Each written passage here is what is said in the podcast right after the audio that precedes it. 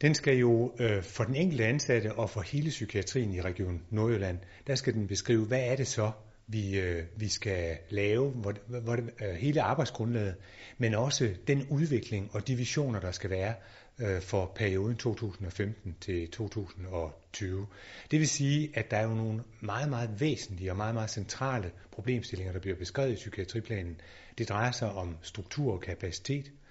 Det drejer sig om en beskrivelse af, hvordan skal vi udvikle effektive og sikre øh, patientforløb.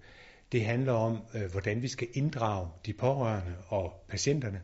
Det handler om, øh, hvordan vi skal sikre øh, psykiatriske patienter et længere og også et bedre liv. Det er jo meget ord at sige, at nu sætter vi for alvor strøm til hele det område, der skal være med til at sikre, at, at psykiatriske patienter, der også har øh, fysiske lidelser, at øh, vi også tager hånd, om, tager hånd om dem, og dermed kan være med til at nedbringe både den overdødelighed og også oversygelighed, der er i øh, blandt psykiatriske patienter.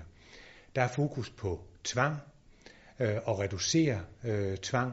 Der er øh, fokus på, der er en ny, en, øh, ny beskrivelse af øh, en ny dagsorden for, for kvalitetsudvikling og patientsikkerhed i, i psykiatrien. Og så er der et rigtig stort fokus også på forskning, hvordan vi kan, kan udvikle forskningen ved psykiatrien i Region Nordjylland.